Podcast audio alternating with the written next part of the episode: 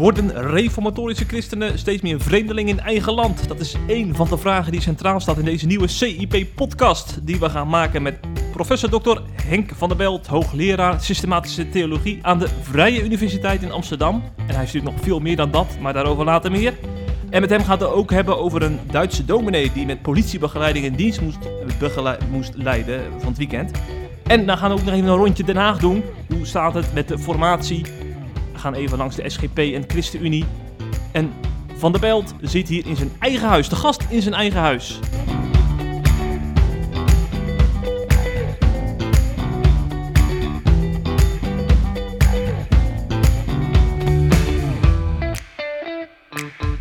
Zeker, Jeffrey. Ja, want, Welkom in ons huis en uh, fijn dat ik een keer bij jou te gast mag zijn in de podcast. ja, ja, ik ben hier al vaker geweest. Toen waren het uh, interviews over uh, geloofszekerheid en over je eigen roeping.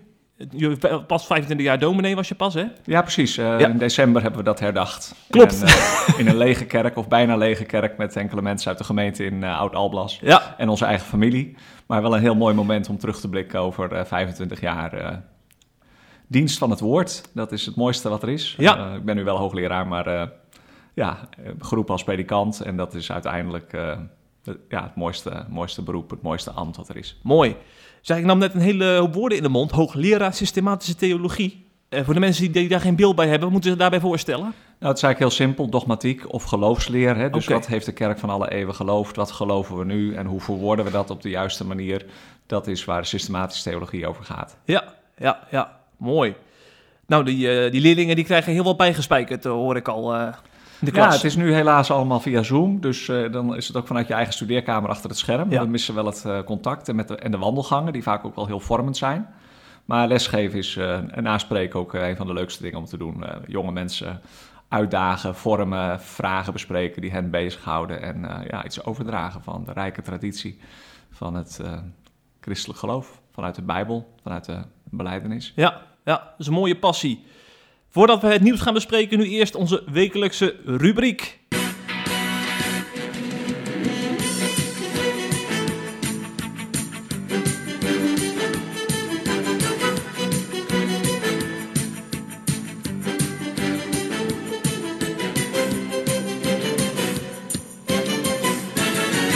De ergernis van de week. Want er gaan regelmatig wat uh, uh, wenkbrauwen gefronst worden uh, als, we, als we de kranten openslaan. En dat zal in Huizen van de Belt toch niet anders zijn, schat ik zo in. Ja, ik kies nu eigenlijk voor een positieve insteek bij okay. ergernis. Want anders zetten we gelijk de toon in een soort mopper, moppervariant. Ik was eigenlijk wel aangenaam verrast door een interview in, het, in de Volkskrant en in het AD... Um, in beide kranten heeft Beatrice uh, Smulders een interview gegeven over haar nieuwe boek. Zij is verloskundige. Het boek heet Bloed en daarin geeft ze autobiografisch eigenlijk weer wat zij allemaal meegemaakt heeft op het terrein van seksualiteit, intimiteit als verloskundige. De toon van die twee artikelen is echt niet uh, de stijl van reformatorisch of evangelisch Nederland. ik zou een woord als neuken wel vermijden, zeker in een titel. Maar wat ze daar zegt is eigenlijk wel heel intrigerend. Uh, ik zag het ook op Twitter een aantal keren voorbij komen dat mensen dat gelezen hadden en zich eigenlijk wel verwonderden over de manier waarop zij het onderscheid in seksualiteit tussen mannen en vrouwen benadrukte. Uh, waarin ze ook uh, de teleurstelling doorgaf over de vrije seksuele moraal. Ze is zelf nu in de 60, dus heeft dat in de 60 jaar als een bevrijding meegemaakt. Maar dat er ook um, eigenlijk best heel veel ongelukken gebeurd zijn. Met name bij jonge vrouwen die van die vrijheid proefden en daar volop van genoten. En achteraf toch wel met uh, littekens bleven zitten. Dus eigenlijk, als je haar verhaal goed leest. En ik ben eigenlijk wel benieuwd naar het boek. Ik weet niet of ik tijd genoeg heb om dat uh, te gaan lezen deze zomer. Maar als je haar verhaal goed leest, dan onderstreept het eigenlijk heel sterk de bijbelse seksuele moraal. De diversiteit tussen mannen en vrouwen. Heel opvallend in deze tijd waarin je dat eigenlijk helemaal niet meer mag zeggen. En ook, um, ja, uh, wachten ze zegt natuurlijk niet wachten totdat je getrouwd bent, want dat is niet haar, uh, niet haar ding, niet haar, haar leefwereld. Maar toch uh, dat ze het advies van haar vader om haar onderbroek aan te houden, zegt ze dan, uh, toch ter harte genomen heeft. En dat advies eigenlijk ook doorgeeft aan een, aan een jonge generatie. Ik vond het eigenlijk wel opvallend om vanuit die hoek, waar je het niet van verwacht, opeens zo'n um, verdediging te horen van de, een aantal dingen van de klassiek christelijke visie op seksualiteit. Ja, ja, ja. ja je framet natuurlijk inderdaad positief. Maar als ik dan toch een klein ergernisje van mag maken, uh, mag ik dan uh, uh, suggereren dat je, dat je dit soort geluiden dan te weinig uh, in de mainstream media hoort. Want hoort, het, is nou een uitzondering, maar het zou geen uitzondering moeten zijn. En toch nou, in jouw ideaalbeeld. Als je het zo wilt, uh, wilt framen, prima. uh, ik was aangenaam verrast en ik vind het ook moedig. Want eh, vaak wordt er, ja, wordt er toch wat voorzichtig en, en behoedzaam over dit thema gesproken. Zij is recht voor, de, voor zijn raap. Voor haar raap, moet ik misschien zeggen. En dat heeft ze wel vaker gedaan. Het is ook heel hm. open en kwetsbaar wat ze daarover vertelt. En ja, zulke stemmen mogen meer gehoord worden in het publieke domein. Want het punt is natuurlijk, als christenen over seksualiteit beginnen, dan wordt het altijd heel problematisch. En ja, uh, ja, de vingertje. Met, uh, met, uh, met meel in de mond praten. Dus ik vond het eigenlijk wel verrassend. Ja. ja, ja, mooi. En de, het interview stond in NRC? nee, in de Volkskrant en oh, in het AD. oh, ja. Tenminste, dat zijn de interviews die ik via uh, internet gelezen heb. Want ik heb geen abonnement op die kranten. Maar zo gaat het dan. Je wordt via Twitter ergens op mm. geattendeerd. Je klikt door en je leest dat. Dat is eigenlijk een hele andere manier van informatievoorziening dan elke ochtend de kranten waar je op geabonneerd bent uh, doorlezen. Ja, ja, nog één keer aan haar naam, dan gaan we haar onthouden. Uh, dat is Beatrice Smulders. Kijk. haar grootvader was de man die binnen de Rooms-Katholieke context uh, pleitte voor periodieke onthouding in het huwelijk. En zij noemt het dan in haar terminologie penisbeschaving, die de mannen wel wat meer zouden kunnen opbrengen. Nou, het zijn mijn woorden niet, maar uh, intrigerend is het wel. Het smaakt naar meer. Ik zou zeggen, lees de interviews uh, terug.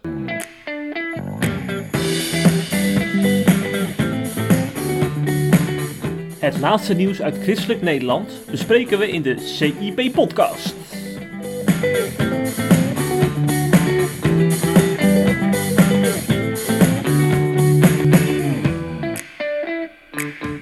We gaan naar onze uh, nieuws van de week.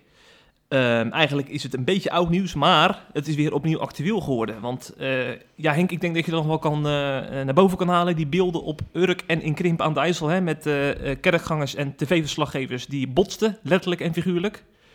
Uh, dat was natuurlijk, dit is alweer een maand geleden volgens mij. Ja, het was een nare zondag, uh, zondagavond uh, toen dat ja, ja. via de media binnenkwam. Toen kwamen we even landelijk in het nieuws als Bijbelbelt, zo gezegd.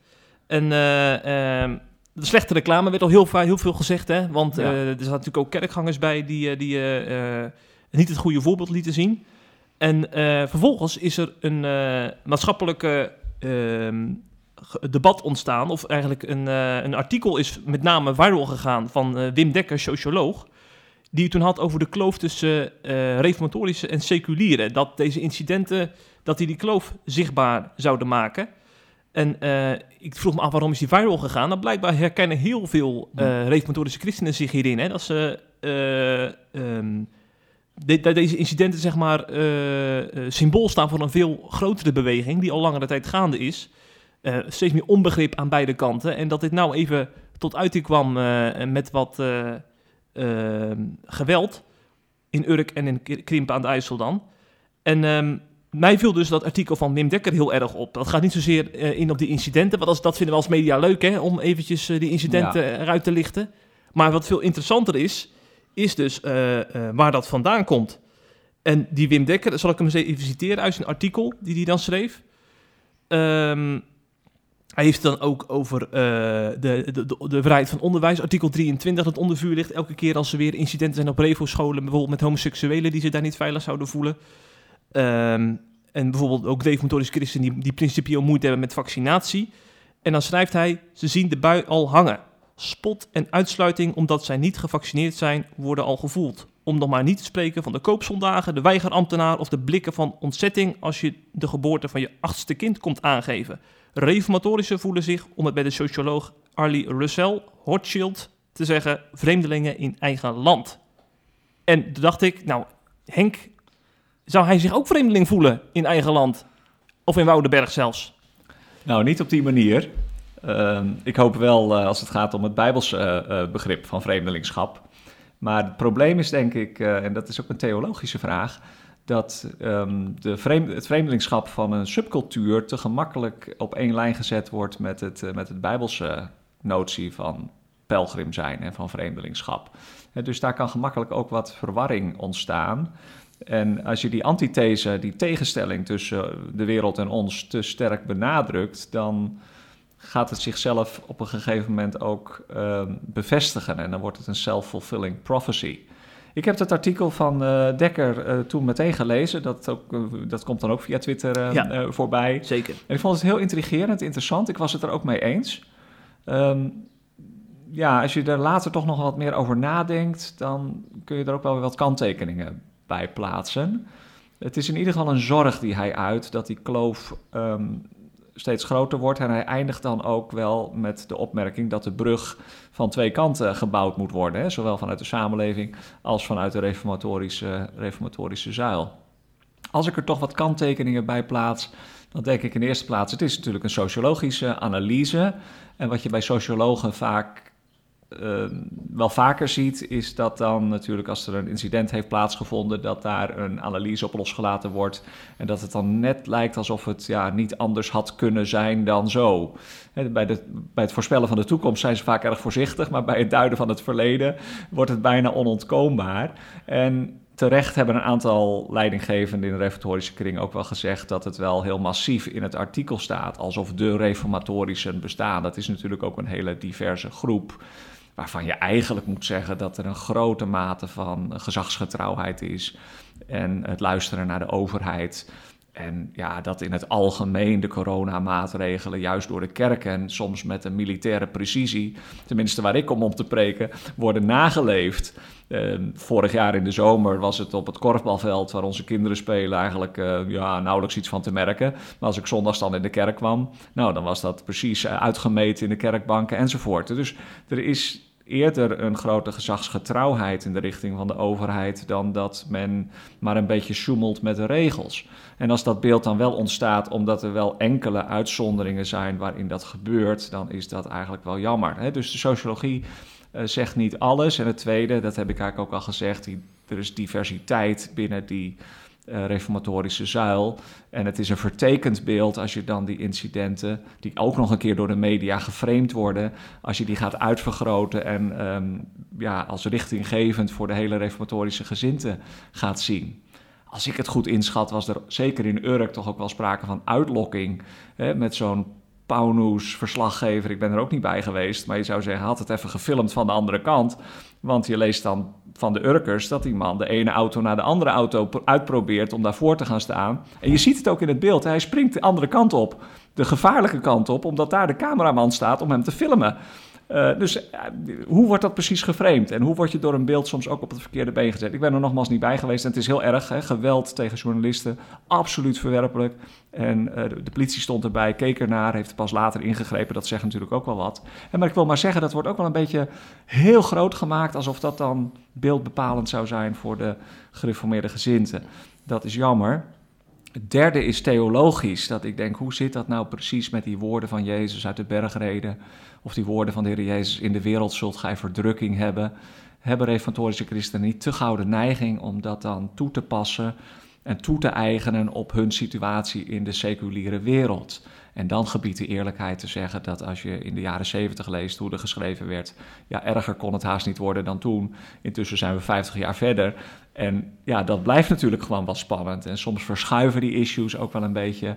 Ik heb toch wel het vertrouwen dat vrijheid in de West-Europese en in de Nederlandse cultuur zo'n groot goed is, dat dat niet meteen onder druk staat. En dat we ook niet het slachtoffer.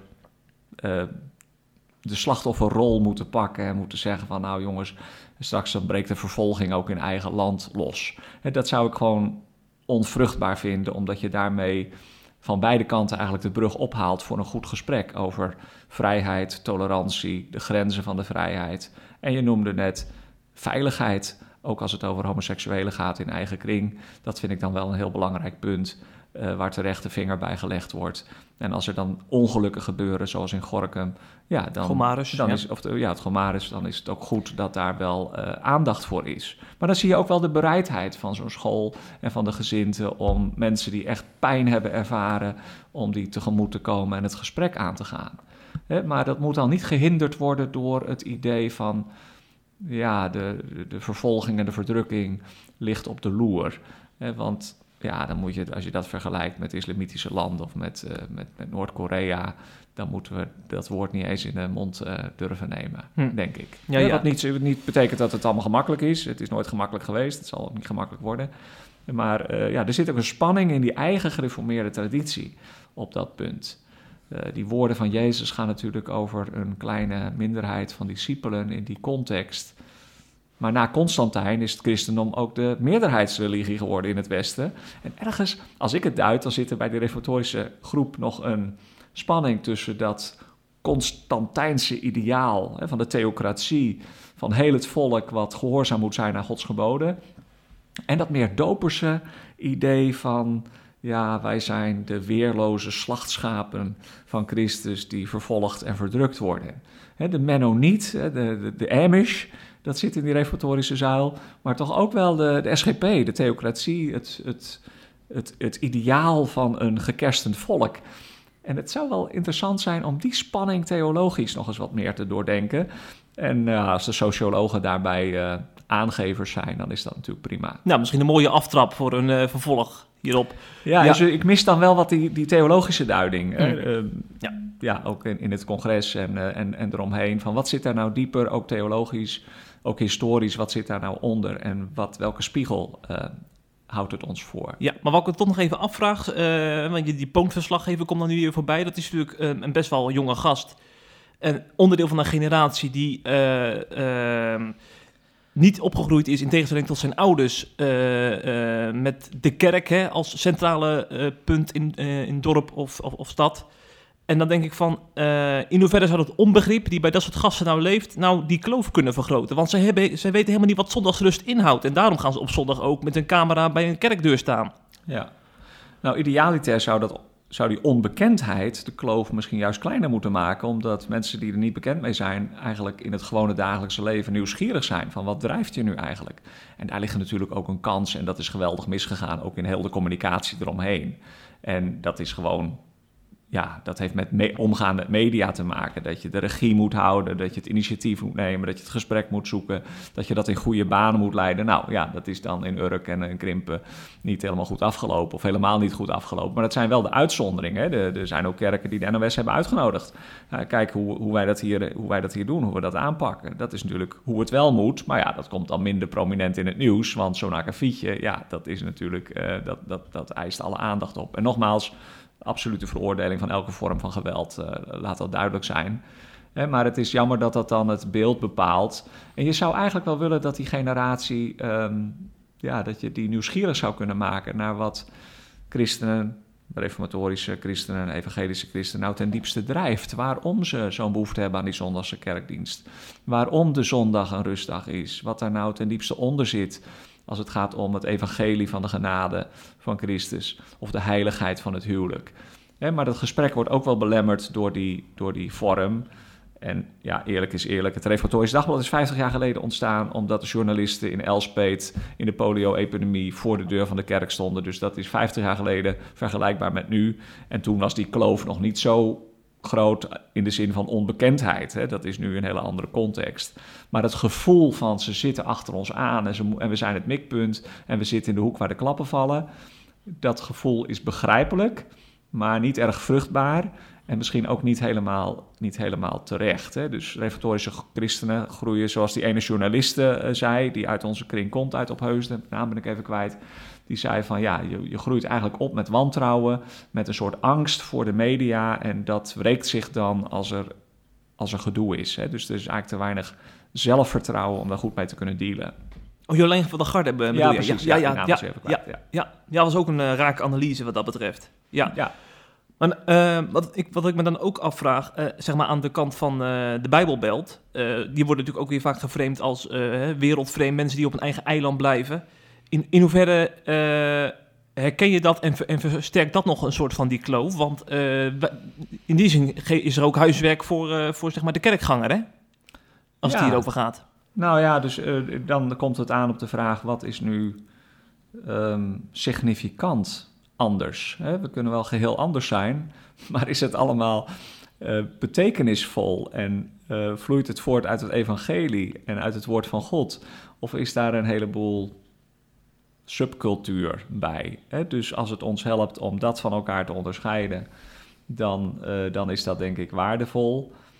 Ja, aan de andere kant eh, is het evident dat iemand die in deze culturele context zijn uitgangspunt neemt in het gezag van het woord van God en de wet van God en dat verabsoluteert als norm voor zichzelf en idealiter ook voor anderen, ja, dan sta je eigenlijk natuurlijk uh, buiten de. Uh, buiten de mainstream. Hè? Dus dat is een, dat is een uitzondering. Hè? Dat, moet je, dat moet je dan denk ik ook aanvaarden. Maar je zou het gesprek ook kunnen voeren over wat zijn dan jouw diepste uh, normen en waarden en waar ontleen je die aan? ja, want eerlijk is eerlijk, als we, als we alleen maar in het niet hangen en, en, en voortgekomen zijn uit de Big Bang als ongeleide projectielen in het pure toeval, ja, dan zijn normen en waarden natuurlijk ook heel erg subjectief en relatief. En dan is het maar net wat de meerderheid vindt. Hè? Dus het diepere, fundamentele gesprek over wat beweegt je, wat drijft je, wat geloof je en waarom geloof je dat en wat is voor jou belangrijk het is jammer als dat gesprek belemmerd wordt door issues. Ja, ja. dat gaat eigenlijk nog wel wat verder dan alleen maar die incidenten. Ja, in die zin gaven de EO en de Christelijke Hogeschool Ede het goede voorbeeld. Zij hielden afgelopen weekend een symposium. En daar uh, zat aan tafel ook een, uh, ik dacht de directeur van Poont zelfs. Uh, een, een trouwjournalist, mensen uit de reformatorische hoek. maar ook nog een remonstrantse predikant. Nou, iemand die niet heel dicht bij de reformatorische, hmm. reformatorische wereld staat. Dus je zou kunnen zeggen, uh, dat is het voorbeeld van een gesprek met elkaar voeren, wat de EO daar heeft gefaciliteerd. Ja, heel mooi. Dus het lijkt me gewoon heel goed om dat, uh, om dat te doen voor de media, maar ook. Ja, als, als ieder reformatorische christen dat nou probeert te doen in het eigen netwerk, dan is er al veel gewonnen. En dat gebeurt ook natuurlijk. Hè? Als er na zo'n zondag vol incidenten bij de politie waar je dan werkt, of op het kantoor, of bij de bouw of onder je collega's, nou, toch een beetje gevraagd wordt. Hoe vond jij dat nou? Ja, natuurlijk verschrikkelijk. Maar hopelijk is dat dan het begin van een, van een goed gesprek over de inhoud. Nou, dan kan er misschien uit het kwaad toch nog iets goeds voortkomen. Ja, ja. en tenslotte hierover, uh, in, in hoeverre is er nu sprake van een vulkaan waar we, op ons, waar we ons op bevinden. En dat dit dus uh, meer is dan een incident, die, die, die, die paar uh, klappen die werden gegeven bij, de, bij die kerkdienst? Ja, dat is nu de grote vraag ook die hieronder ligt hè, bij mensen. Ik hoop dat het meevalt. Het heeft ook met de coronacrisis te maken, met de korte lontjes. Uh, nogmaals, vrijheid is een groot goed in de westerse cultuur. Dus ik, ik hoop dat dat meevalt. Ik denk ook dat het meevalt. Spannend wordt het natuurlijk daar waar onze vrijheid ten koste gaat van de vrijheden van anderen. En uh, nou, dat is op dit dossier natuurlijk het gevoel van zij mogen dat wel en wij mogen dat niet. En er komt een stukje jaloezie bij, uh, bij kijken of oneerlijkheid, want religie, dat is gewoon een hobby. En ik heb ook mijn hobby's. Ja, uh, natuurlijk als je daarover doorpraat kun je misschien argumenten vinden waarom vrijheid van godsdienst toch van een andere orde is dan vrijheid van voetbal. Maar dat gevoelen, dat zit toch wel behoorlijk diep en dat wekt gewoon irritatie en ergernis. Dus dat speelt denk ik van, van die kant een rol. En ja, de impact nu op het reformatorische gewone christelijke leven van de kerkgang is door die coronamaatregelen behoorlijk groot. Er is natuurlijk van ouds ook wel een zekere sepsis tegenover de wetenschap in een deel van de reformatorische achterban en een afwijzing van de vaccinatie. Dus als de overheid hamert, ja, de enige oplossing zit in die vaccinatie, dan ontstaat er ook iets van nou ja, als dat zo is, dan moeten we onze roeping gehoor geven en God meer gehoorzaam zijn dan de mensen, dan de overheid. maar ja, dat, ik, ik, ik, ik hoop erop dat dat toch corona gerelateerd is hmm. en niet betekent dat we nu dat de vulkaan op uitbarsten staat. Dat, dat lijkt me ook niet, uh, niet helemaal terecht. En ook, ik weet ook niet of Wim Dekker dat suggereert. Hij probeert wel hmm. een incident te duiden in een grotere groter verband. En dat is sociologie en dat is, dat is prima. Ja, interessant. En we gaan hier vaker nog op terugkomen vast in de podcast. Zeg, eh, Henk, ons volgende nieuwsitem heeft hij eigenlijk, uh, staat er in het verlengde van. Hè? Uh, we gaan naar Duitsland, naar onze oosterburen. En daar woont en werkt dominee Olaf Latsel, een collega van jou. En die ligt al jarenlang onder vuur. En dat begon in 2019, toen homoactivisten zijn kerkgebouw bekladden. En Latsel zich vervolgens tegenover die groep uitsprak. Hij sprak van misdadigers. En die de genderideologie bezigde. En vervolgens is zijn uitspraak is, uh, toegepast op de hele homogemeenschap. Alsof hij de hele homogemeenschap misdadigers noemde. Maar hij had het echt over die activisten die zijn kerk bekladden. Nou, vervolgens uh, is er een uh, juridisch proces op gang gekomen. Het Openbaar, Openbaar, Ministerie van Bremen is een onderzoek gestart en hij is ook, is, is, ook schuldig bevonden. Hè? Dus het had ook ernstige consequenties, want Latsel werd uiteindelijk ook nog geschorst door ook nog zijn eigen kerk, die, zeg maar de overkoepelende kerk. Zijn kerkraad staat wel achter hem. Ehm, en in de, in het, ondertussen is het de indruk ontstaan dat hij homofoob zou zijn. Terwijl hij elke keer herhaalt dat die uitspraken gingen over die homoactivisten en niet over de LHBTI-gemeenschap. Inmiddels uh, uh, is er goed nieuws, want uh, zijn schorsing is opgegeven. De terugcommissie greep in. En hij stond de zondag stond hij weer op de kansel, kon hij weer zijn boodschap geven. Maar dat kon helaas niet zonder dat de politie een oogje in het zeil, hield. En dat was ook nodig, want er waren weer activisten die voor rumoer zorgde rondom de kerk. Nou, dit is een kwestie die niet echt wordt uitgemeten in zeg maar, media als de NOS, maar wel in het Reformatorisch Dagblad, hè, in de christelijke media. Mhm. Eh, deze zaak volg je ook al langer? Ja, vooral via het Reformatorisch Dagblad, dus dat maakt me ook wel een beetje voorzichtig. Um, er zitten altijd wel verschillende kanten aan en dat is waar. ik ben er ook niet bij geweest. Ik leerde vooral van als het gaat om het ambt, ehm, het gebed, zet en wacht voor mijn lippen. Want ook al is dat binnen de context van de vertrouwde omgeving van de kerk en onder spanning, woorden uh, kunnen soms ook een eigen leven gaan leiden.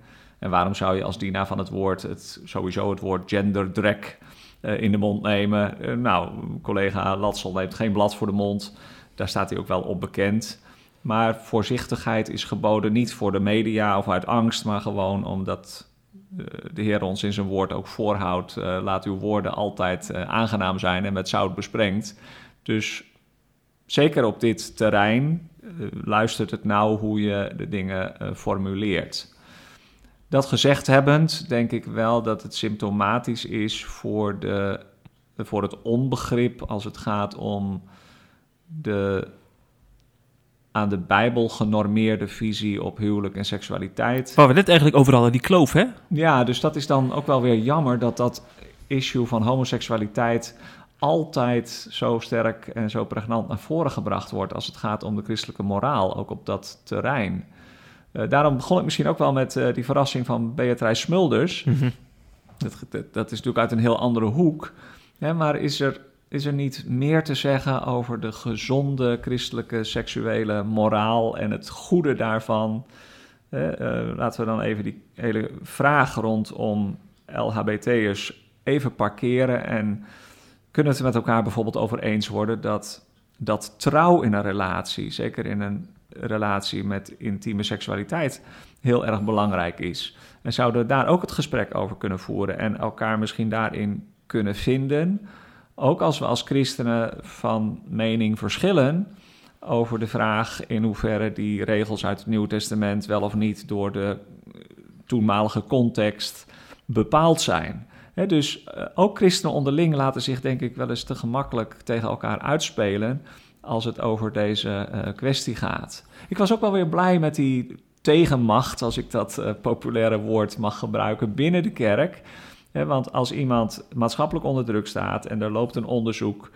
En je wilt als kerk dan ook nog een statement maken door Latsel onder de tucht te plaatsen en te verbieden voor te gaan, terwijl er eigenlijk geen probleem is binnen de gemeente. Nou, dan ben ik blij dat er kennelijk in de evangelische kerk in Duitsland ook nog krachten zijn die zeggen: ja, wacht even, dit gaat wel heel erg ver.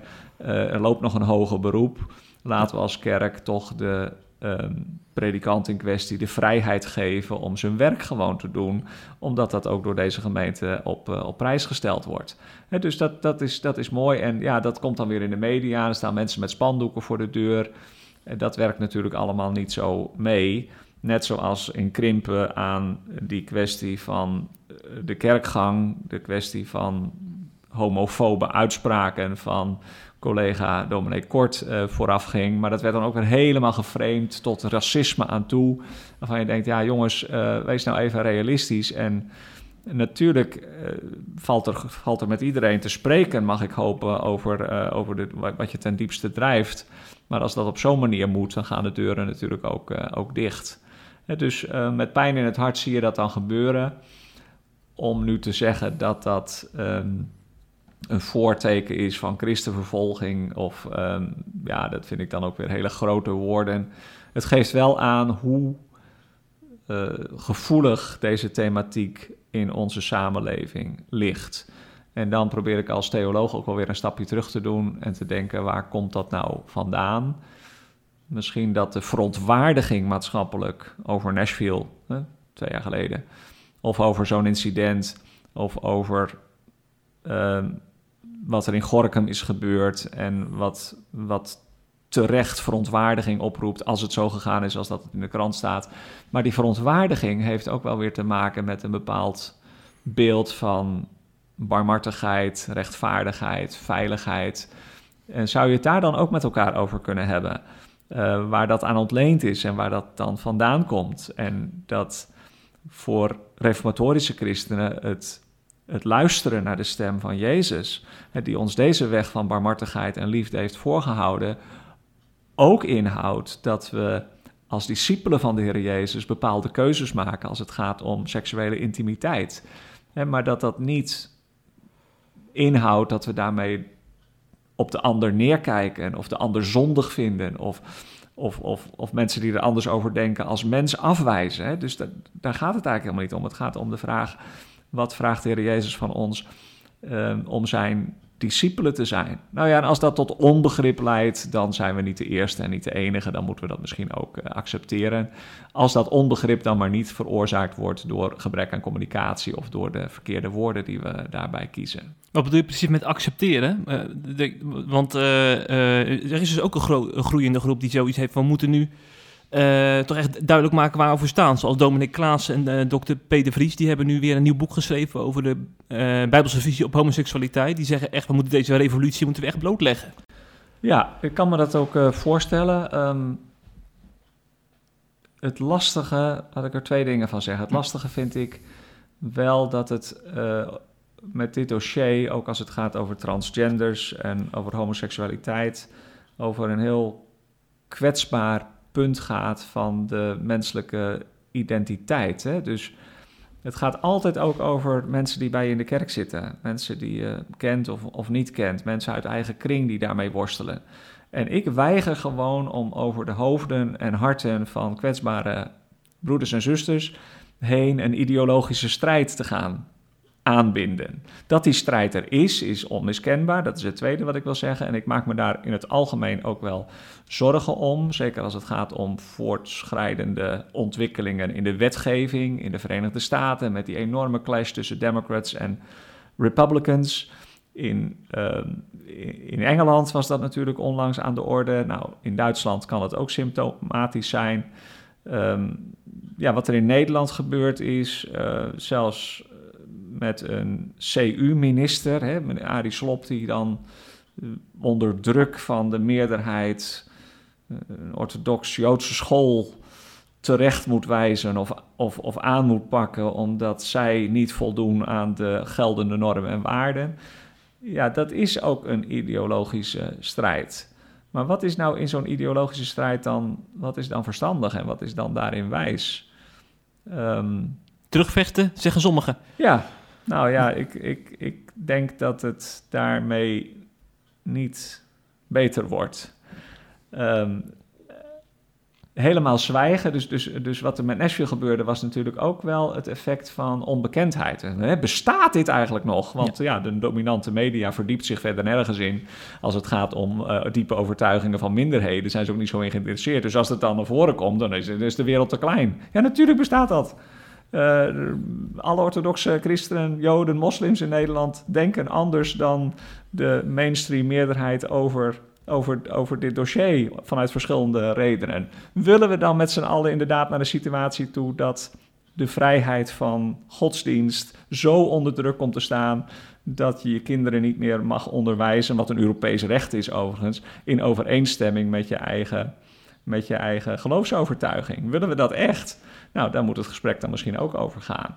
En ik denk als het puntje bij paaltje komt, dat mensen dan zeggen: ja, nee, zo had het ook niet helemaal bedoeld. Maar het is toch verschrikkelijk dat je dat vindt. Nou, waarom vind je dat dan? En probeer dat dan ook eh, voor het voetlicht uh, te brengen. Publicatie van uh, De Vries en Klaassen, die je noemt, was natuurlijk ook meer bedoeld vanwege zorgen om ontwikkelingen in eigen kring. Ja, zeker. En daar kan ik me ook wel iets bij voorstellen dat men daar de vinger bij legt. Zeg nou, houd wat je hebt. En dit is toch wel ehm, de klassieke christelijke visie de eeuwen door geweest. Als er allerlei dingen gaan verschuiven onder maatschappelijke druk. Ja, die zorgen die kan ik herkennen en die kan ik op zich wel delen. Maar de verzoeking is toch op dit terrein om er een. om, om je, je zwaard te trekken met Petrus en wild om je heen te gaan slaan. En dan hoor ik de meesten toch zeggen: steek uw zwaard in uw schede. Uh, alle die het zwaard nemen, zullen door het zwaard vergaan. Ja, dat is gewoon een belangrijke spiegel die we ons moeten voorhouden in die zin. Ja. Maar wat ik me dan toch afvraag, Henk, nog. Uh, we hebben het over Olaf Latsel en over uh, dominee Kort in Krimpen en ook dominee Klaas in uh, Arnhemuiden trouwens ook, want die is bedreigd. En die, die kon zelfs een keer niet ergens voorgaan, omdat er dreigt een protest op gang te komen rondom zijn dienst. Die is toen, toen afgebeld. Dus ik vraag me af, dit soort predikanten, hè, dit zijn wel uitgesproken mensen... Maar die, die, die, die stille meerderheid, ook in de de Bond en zo, die ook zeg maar de, de traditionele visie op huwelijk en seksualiteit aanhangt. Hè? Dus huwelijk voor uh, één man en één vrouw en uh, seksualiteit ook binnen die kaders. In hoeverre gaan die nog eens een keer last krijgen uh, van zeg maar, die maatschappelijke druk, die blijkbaar toch toeneemt, zie je aan dit soort tendensen die we nu bespreken? Ja, dat van Klaassen wat je noemt, en Maarten Klaassen is een goede vriend van me, dus ehm, alle begrip voor zijn kwetsbare positie. Dat was natuurlijk geen. Ja, dat, het was jammer dat de kerkraad van Gorkum toen niet heeft doorgepakt en gezegd: Nou, wij gaan daar toch mee door. Maar als je dan ja, een oproer rond de kerk. En ze hebben toen in goed onderling overleg besloten om dat niet door te laten gaan. Wat ik toen wel jammer vond, maar achteraf ook wel begrijpelijk. Uh, dus dat even nog ter correctie en, uh, en, en, als aanvulling. Um, ja, ik begrijp het wel hoor, dat je dan zegt van we moeten dat ook uh, duidelijk voor het voetlicht brengen. Uh, Zo'n standpunt. Maar ja, voorzichtigheid is geboden en je wilt toch ook niet dat het gesprek daarover uh, belemmerd wordt. Of de meerderheid daar last van krijgt. Ja, het zal ook de vraag zijn. Je kijkt naar de evangelische omroep. Je kijkt om je heen binnen de kerk of hier dingen niet gaan verschuiven. En dat is ook een fundamentele vraag als het gaat om de uh, relatie tussen het gezag van de Bijbel in het Nieuwe Testament en onze eigen context. Um, als het prijskaartje dan is dat je het gezag van het Nieuwe Testament relativeert en dat allemaal als tijd betrokken gaat uitleggen, ja, dat, dat, dat is nogal wat. Hè. Dat lijkt me ook niet goed. En de druk vanuit de kerk zal wel steeds groter worden, denk ik, in de PKN om daarin, uh, daarin mee te gaan. Dus dat zal nog intern een heel gesprek opleveren. Vandaar dat ik ook wel benadruk van zijn er dan ook nog dingen die ons aan elkaar verbinden als we op dit terrein van inzicht verschillen. Dat lijkt me dan ook wel belangrijk. Ja, ja. Het debat gaat hier ook de komende jaren zeker nog verder over gevoerd worden. Dus laten we nog even een rondje politiek Den Haag doen, uh, Henk. Want uh, we leven natuurlijk in bijzondere tijden. Hè? We hebben een demissionaire, demissionaire regering. Er, wordt, er is een formatiecrisis hè, na alle gedoe van de afgelopen weken. En dan focussen we even op de kleine christelijke partijen. En dan zien we Gert-Jan Segers van de ChristenUnie. Die, heeft dan, die was heel duidelijk van niet meer met Rutte in een kabinet. Uh, maar nu heeft hij zijn uitspraak uh, genuanceerd. Hij wil nog steeds niet met Rutte in een kabinet. Maar hij zegt wel dat hij te veel op de man heeft gespeeld. En eigenlijk op de bal had moeten focussen. Hè? Dus uh, het gaat hem vooral om die ongezonde politieke cultuur. En een genadeloze overheid. Dat we bij die toeslagen hebben gezien. En ehm, nu zegt hij dus dat dat de focus moet zijn. Niet zozeer of, of Rutte daarin de hoofdrol speelt. Hoe heb jij die nuance van Segers gelezen? De ene zegt hij zet de deur, deur weer op een kier naar Rutte. En ander zegt uh, goed dat hij die nuance nog even maakt. Ja, ik, uh, valt mij vooral op dat door duidelijk te willen zijn, je soms ook onduidelijkheid, onduidelijkheid creëert. Dat is natuurlijk niet de bedoeling. Ik, ik begrijp het dilemma. in de nacht van de beide moties was het natuurlijk zo als de ChristenUnie met de motie van wantrouwen had ingestemd dat Rutte waarschijnlijk had moeten aftreden. Ja, wil je dat in deze coronacrisis voor je rekening nemen? Uit de eigen achterban kwam toen veel kritiek. Ja, ik vond het wat ongelukkig hoor op stille zaterdag in het Nederlands Dagblad om dan zo uit te pakken. Dan had dat, dat dinsdag ook nog wel gekund. Uh, en ja, dan toch wel behoorlijk op de man, want er was ook geen alternatief. Want ja, uh, anders sluit je natuurlijk ook regeringsdeelname uit. Dus dan heeft Rutte het gedaan. Vervolgens komt daar wel weer wat reactie op en zelfreflectie bij, uh, bij de CU en bij Segers zelf kennelijk. En dan is het antwoord weer van ja, het gaat niet om het poppetje, maar het gaat over de hele, hele, hele cultuur eromheen. Maar ja, daar heb je zelf bij aan tafel gezeten. Dus is dan de conclusie dat de ChristenUnie uiteindelijk een motie van afkeuring over zichzelf heeft, uh, heeft, heeft uitgeroepen en daarmee heeft ingestemd. Precies. En dat is natuurlijk dan eigenlijk wel jammer als dat inderdaad zo gebeurt. Ja. ja. ja.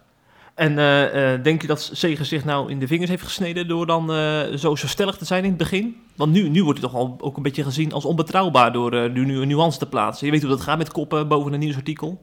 Ja, dat is natuurlijk ook wel een beetje in de strijd, de machtsstrijd in de aanloop naar een nieuwe regering. Ik vind het eigenlijk wel jammer, want het heeft het niet gemakkelijker gemaakt. En ik zou, denk ik, in de huidige politieke krachtenveld uh, een voortzetting van het huidige kabinet het meest waarschijnlijke vinden. Hm. En ook het meest wenselijke vinden. Ja. En ja, laat nu net uh, die, uh, die vier woorden Pieter Omzicht functie elders roet in het eten gegooid hebben. Waarbij ik denk, ja, er wordt heel veel gedraai. Zowel van de verkenners als van de, van de premier. Ongeloofwaardig verhaal, uh, collectief geheugenverlies. Maar misschien is ook een afweging geweest van ja, dat is een leugen om best wil. Want uh, als we echt de waarheid spreken, dan zijn de consequenties nog, uh, nog erger. Dat weet ik ook niet. Maar zelf zou ik zeggen, ja, als je niet kunt bewijzen dat iemand gelogen heeft, en dat is bij geheugenverlies altijd heel lastig te bewijzen, misschien moet je dan toch het voordeel van de twijfel geven en zeggen, nou ja, Allah, uh, dus het verdient geen schoonheidsprijs. En dus het, de, de, ja, het mede ondertekenen van de, uh, van de motie van wantrouwen door de SGP, dat vond ik ook wel weer frappant. Denk ik, ja, ja, dat, is heel nou, opvallend. Was dat nou nodig? Mm. En de motie van afkeuring tegen een mede-Kamerlid is natuurlijk, dat las ik gisteren geloof ik in de krant van, uh, van een collega hoogleraar in het uh, staatsrecht. Dat is natuurlijk ook een onding. Je kunt eigenlijk niet een uh, medekamerlid, wat heb je daarover te zeggen? Dan kun je geen motie van, van afkeuring aan de broek smeren. Ja. Voor de duidelijkheid, Rutte is nu Kamerlid omdat hij demissionair premier is. Dus dan wordt hij dus zo als Kamerlid uh, Ook een rare constructie, dat moest eigenlijk verboden worden. Ja, ja, ja. Hij controleert zichzelf nu. Ja, ja, ja. Zijn over de SGP gesproken. daar had politicoloog Simon Otjes nog wat over te melden in het Reformatorisch Dagblad. Het valt hem op dat de SGP is nogal bescheiden opstelt. Want we, hebben het nu constant over CDA, VVD, D66 en dan nog een vierde partner die erbij zou moeten hè, om, om dan een meerderheid te hebben. En, de SGP wordt bijna niet genoemd. En hij zegt, uh, uh, uh, eigenlijk zou dat wel een idee zijn omdat de SGP op heel wat punten ook, als het gaat om moties, heeft samengewerkt met D66 bijvoorbeeld. En ook een betrouwbare, als een betrouwbare partij wordt gezien in Den Haag. waarom zou de SGP niet eens een keertje gaan meeregeren? Is, is het eigenlijk voorstelbaar, de SGP, in het kabinet? Nou ja, de SGP is gewoon een politieke partij en doet al heel wat jaren mee in het parlement. Ooit was er sprake van, en dat was natuurlijk smalend bedoeld, de Staphorsten variant met RPF, GPV en SGP. Dat oh, is toen niet doorgegaan, maar vanaf die tijd speelt eigenlijk al de discussie, als we gevraagd worden, zijn we dan beschikbaar binnen de SGP? En het antwoord is dan altijd toch een beetje dubbelzinnig. Van ja, we sluiten het niet uit, maar we, we, staan er ook niet om te springen. En dat is meer dan alleen maar politiek handig om dat te zeggen. Wat natuurlijk alle partijen in formatietijd eh, wel zeggen en de kaarten tegen de borst houden. Kijk, de politieke cultuur binnen de SGP en ook binnen de achterban van de SGP is toch nog wel wat anders dan bij de ChristenUnie. En als het de ChristenUnie al zoveel moeite gekost heeft om uh, mee te doen. En als je dan ziet dat ja, Arie Slop, uh, oprechte kerel, goede politicus, fijne minister. Maar dan keer op keer toch eigenlijk met frisse tegenzin standpunten moet verdedigen die hem niet helemaal eigen zijn. Naar het Geider toe, uh, orthodox Joodse school. Uh, onlangs nog weer gewoon bloot, hè, dat moet gewoon kunnen. Ja, hij kan ook niks anders zeggen als minister. Ja, ja, je moet je toch niet uh, willen indenken dat iemand als Kees van der Staaij zichzelf in zo'n ongemakkelijke positie manoeuvreert. Dus het lijkt me niet zo heel verstandig. Het is wel frappant als dat niet eens meer als optie genoemd wordt in een formatieproces. Dat gaat ook wel weer heel ver de andere kant op.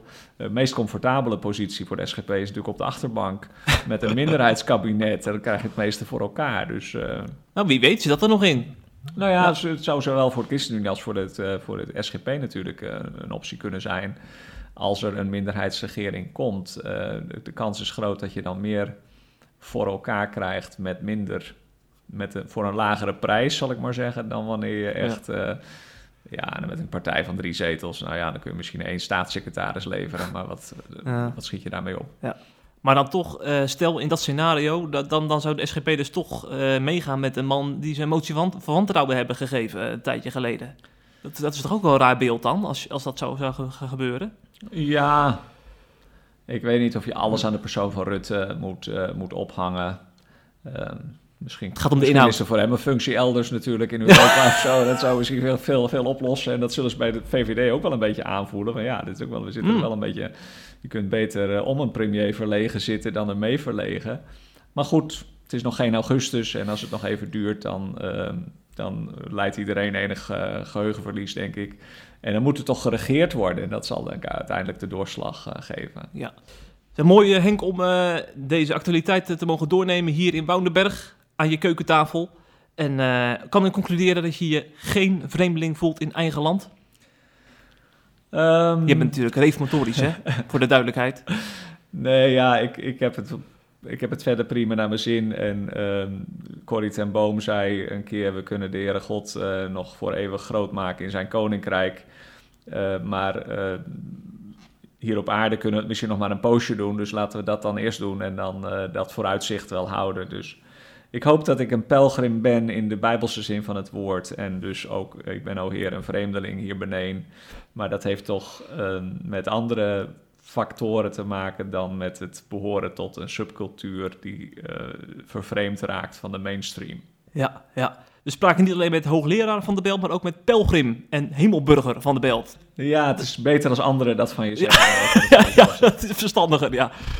Ik zou zeggen, maak er nog een mooie dag van, uh, Henk. En wie weet tot een volgende podcast. Ik sluit het niet uit dat we nog eens langs wippen hier in Veenendaal. Uh, in uh, Woudenberg. Oeh, ik, ik zei Veenendaal. Ja, dus, ja, uh, Veenendaal, daar zitten de kinderen op school. Dat is wel de regio. Precies. Maar, dat is een andere. Dat is ook de provincie Utrecht natuurlijk. Dat, ja, daarom. Wel, wel een andere plaats. Ja, mooi dat het zo kon. Bedankt voor de gastvrijheid ook. En tegen de luisteraars zou ik zeggen, ook nog een fijne week. En wie weet, tot de volgende keer.